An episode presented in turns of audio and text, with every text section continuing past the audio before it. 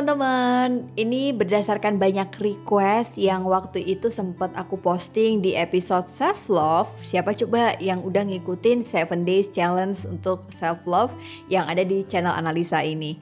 Nah, ngomong-ngomong soal self love, kali ini aku akan ngebahas tentang sesuatu yang mirip-mirip sama self love dan mungkin teman-teman beberapa ada yang baru kenal dengan istilah self compassion. Apa sih self compassion? Self compassion ini adalah cara kita berbaik hati sama diri sendiri.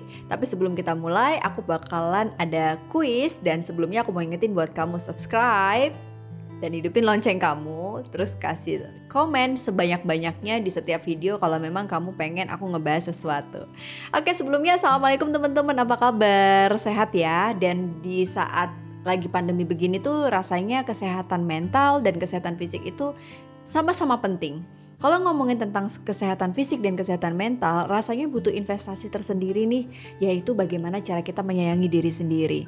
Nah, tadi kan aku sempat di awal ngebahas bahwa self compassion ini sahabatan sama yang namanya self love. Sebenarnya self compassion atau yang didefinisikan sebagai sebuah bentuk kebaikan terhadap diri sendiri yang bersikap lembut, mendukung, pengertian kepada seseorang pada saat kita sedang merasa tidak baik-baik saja atau memiliki kekurangan yang uh, kurang sesuatu terhadap diri sendiri. Ini sebenarnya berawal dari sebuah istilah yang didefinisikan dan diukur oleh psikolog bernama Kristen Neff. Nah, Kristen Neff ini dia melihat bahwa ternyata banyak banget perilaku berbaik hati sama diri sendiri tapi sering disalah artikan. Termasuk ada beberapa hal yang suka menjerumuskan kita nih. Jatuhnya kita jadi mager, nggak ngapa-ngapain karena kita merasa bahwa berbaik hati sama diri sendiri saatnya kita untuk berhenti sejenak. Oke, aku akan memulai dengan mitos atau fakta. Analisa, self compassion itu membuat diri kita menjadi lebih kuat dan resilience. Mitos atau fakta? Jawabannya adalah fakta. Dan self compassion itu bener gak sih kalau artinya kita mengkasihani diri sendiri sampai akhirnya kita berlarut dan terisolasi? Jawabannya mitos. Dan yang kemudian yang sering banget ini menjadi salah satu alasan pada saat kita punya satu kemauan untuk self compassion atau berbaik hati sama diri sendiri. Kadang-kadang self compassion ini membuat kita menjadi boleh tidak memperdulikan orang lain. Apakah ini mitos atau fakta? Dan jawabannya adalah mitos. Kalau self compassion itu artinya kita itu juga harus punya yang namanya empati bagi orang lain. Nah, apa sih bedanya teman-teman saat kita mengkasihani diri sendiri dan pada saat kita berbaik hati sama diri sendiri? Kalau kita mengkasihani diri sendiri, analoginya begini. Kalau kita punya sahabat, punya orang yang kita sayangi, pada saat dia sedang terpuruk, mungkin kita cuma bilang sabar ya. Itu kepada mereka yang levelnya bukan sesuatu yang sangat intim atau hubungannya sangat dekat.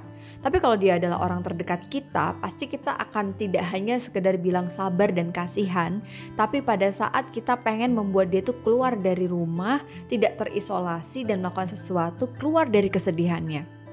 Artinya di situlah kamu benar-benar peduli dan berbaik hati sama mereka. Sama dengan pola yang dilakukan oleh diri sendiri kepada diri sendiri. Jadi kalau kita hari ini merasa bahwa self love itu bagian dari cara kita untuk terisolasi, terjebak pada situasi yang membuat kita boleh berhenti dulu. Hati-hati karena ada tiga elemen nih dalam self compassion untuk kamu identifikasi. Yang pertama adalah self compassion ini merupakan salah satu bentuk cara kita untuk tidak melakukan judgement yang berlebih kepada diri pada saat kita sedang tidak baik-baik saja. Kalau kita gagal, maka kita akan cenderung lebih menyerang diri sendiri dan melakukan yang namanya self critic atau self judgement. Akhirnya kita sering merasa insecure atau bahkan kita menjadi tidak percaya diri. Yang kedua, ada elemen yang paling penting, yaitu common humanity. Pada kondisi yang tidak sesuai dengan harapan kita, sering kali rasanya kita merasa bahwa kita adalah orang yang paling menderita di dunia. Padahal pada saat kita berbaik hati sama diri sendiri, jangan pernah lupa bahwa kita bukan satu-satunya orang yang paling menderita di dunia ini. Bahwa banyak masalah orang lain yang mungkin hampir sama di kehidupannya. Kalau kita gagal dalam melalui fase atau elemen ini dalam berbaik hati, efeknya kita tidak hanya menjudge diri sendiri, tapi juga kita akan mengisolir diri kita dari lingkungan kita. Nah, yang ketiga elemen terpentingnya adalah be mindful. Kenapa sih harus mindful? Mindfulness ini adalah salah satu pendekatan yang membutuhkan kita untuk seimbang pada semua emosi yang hadir, menerima diri secara utuh tanpa melakukan judgement apa pun. Jadi pada akhirnya kita punya kemampuan untuk menyambung pengalaman pribadi dan pengalaman orang lain, tapi tetap hadir dengan perspektif yang luas dan apa yang terjadi hari ini itu adalah yang kita pikirkan. Kalau kita gagal untuk mindful, pada akhirnya pikiran, perasaan, dan penerimaan kita sama diri sendiri ini cenderung membuat kita jadi overthinking karena kita mengalami situasi yang disebut dengan over identification. Semua diidentifikasi, padahal kadang-kadang itu bukan porsi kita. Artinya, bagaimana teman-teman memerlukan sebuah kemampuan untuk tidak over um, identified sama sesuatu yang terjadi pada diri kita, apa yang kita pikirin, yang kita rasain, sehingga di situ kita tidak terjebak pada reaksi dan perasaan yang negatif. Nah, yang terakhir teman-teman, kalau kamu pengen mengubah hidup kamu untuk lebih berbaik hati sama diri, boleh. Ada beberapa langkah. Langkah pertama adalah cobalah cobalah cobalah untuk memperlakukan diri sendiri dengan cara self talk yang positif. Jadi misalnya nih, bayangin diri kamu lagi melihat sebuah pertunjukan, terus kemudian kamu melihat aktornya itu adalah diri kamu, tapi lihatlah dengan bijak. Dan pada saat kamu mengkritisi diri sendiri, coba katakan kepada dirimu, coba kamu ingat, kamu catat kata apa yang sebenarnya kamu gunakan untuk melihat dirimu di tayangan itu. Apakah ada pola-pola yang sama? Gimana sih nada suara kamu melihat dirimu? Dan apakah suara itu mampu mengingatkan pada sesuatu di masa lalu dan mengkritik dirimu terus-menerus? Itu adalah cara kita untuk melakukan self-talk. Misal nih, aku melihat diriku. Oke, analisa lagi ngapain ya? Dia lagi sedih. Apa sih yang dia lakukan? Kenapa dia sedih? Apa sih yang dia rasain?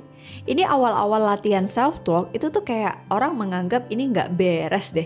Tapi coba rasakan, ini adalah first step kita untuk menemukan cara kita untuk compassion kepada diri kita sendiri. Yang kedua, lembutkan suara self kritik.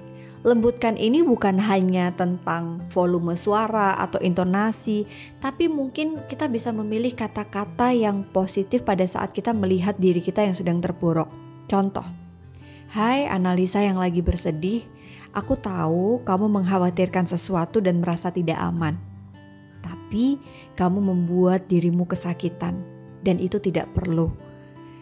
Bisa nggak sih kamu membiarkan dirimu mengkasihani dirimu dan menyayangi dirimu dengan sepenuh hati? Katakan itu berulang kali dan ternyata efeknya luar biasa teman-teman. Cobain ya. Yang ketiga adalah reframe the observation. Coba gunakan kacamata yang memang kita itu menjadi kritikus bagi diri kita sendiri, tapi dengan kalimat-kalimat yang lebih ramah dan positif. Artinya boleh loh kita melihat diri kita, jangan sampai kita self compassion dan kita anti kritik, nggak mau dikritik oleh diri sendiri apalagi orang lain. Nah selama kita bisa melibatkan self talk yang suportif, melihat sesuatu dengan lebih objektif, kita bisa memunculkan emosi positif ini dan melihat apa sih yang sebenarnya terjadi. Flip the reality dengan sesuatu yang negatif menjadi lebih positif. Nah kalau kamu memang pengen melakukan self compassion ini syarat utamanya dari semua yang udah aku jelasin adalah mulailah untuk mengidentifikasi what you really want. Apa sih yang benar-benar kamu pengen di dalam hidup? Karena yang paling tahu tentang apa yang kamu inginkan dalam hidup adalah dirimu sendiri. Kalau kamu nggak tahu apa yang kamu inginkan dalam hidup, jangan pernah menyalahkan orang lain untuk menyuruhmu melakukan apa yang mereka inginkan.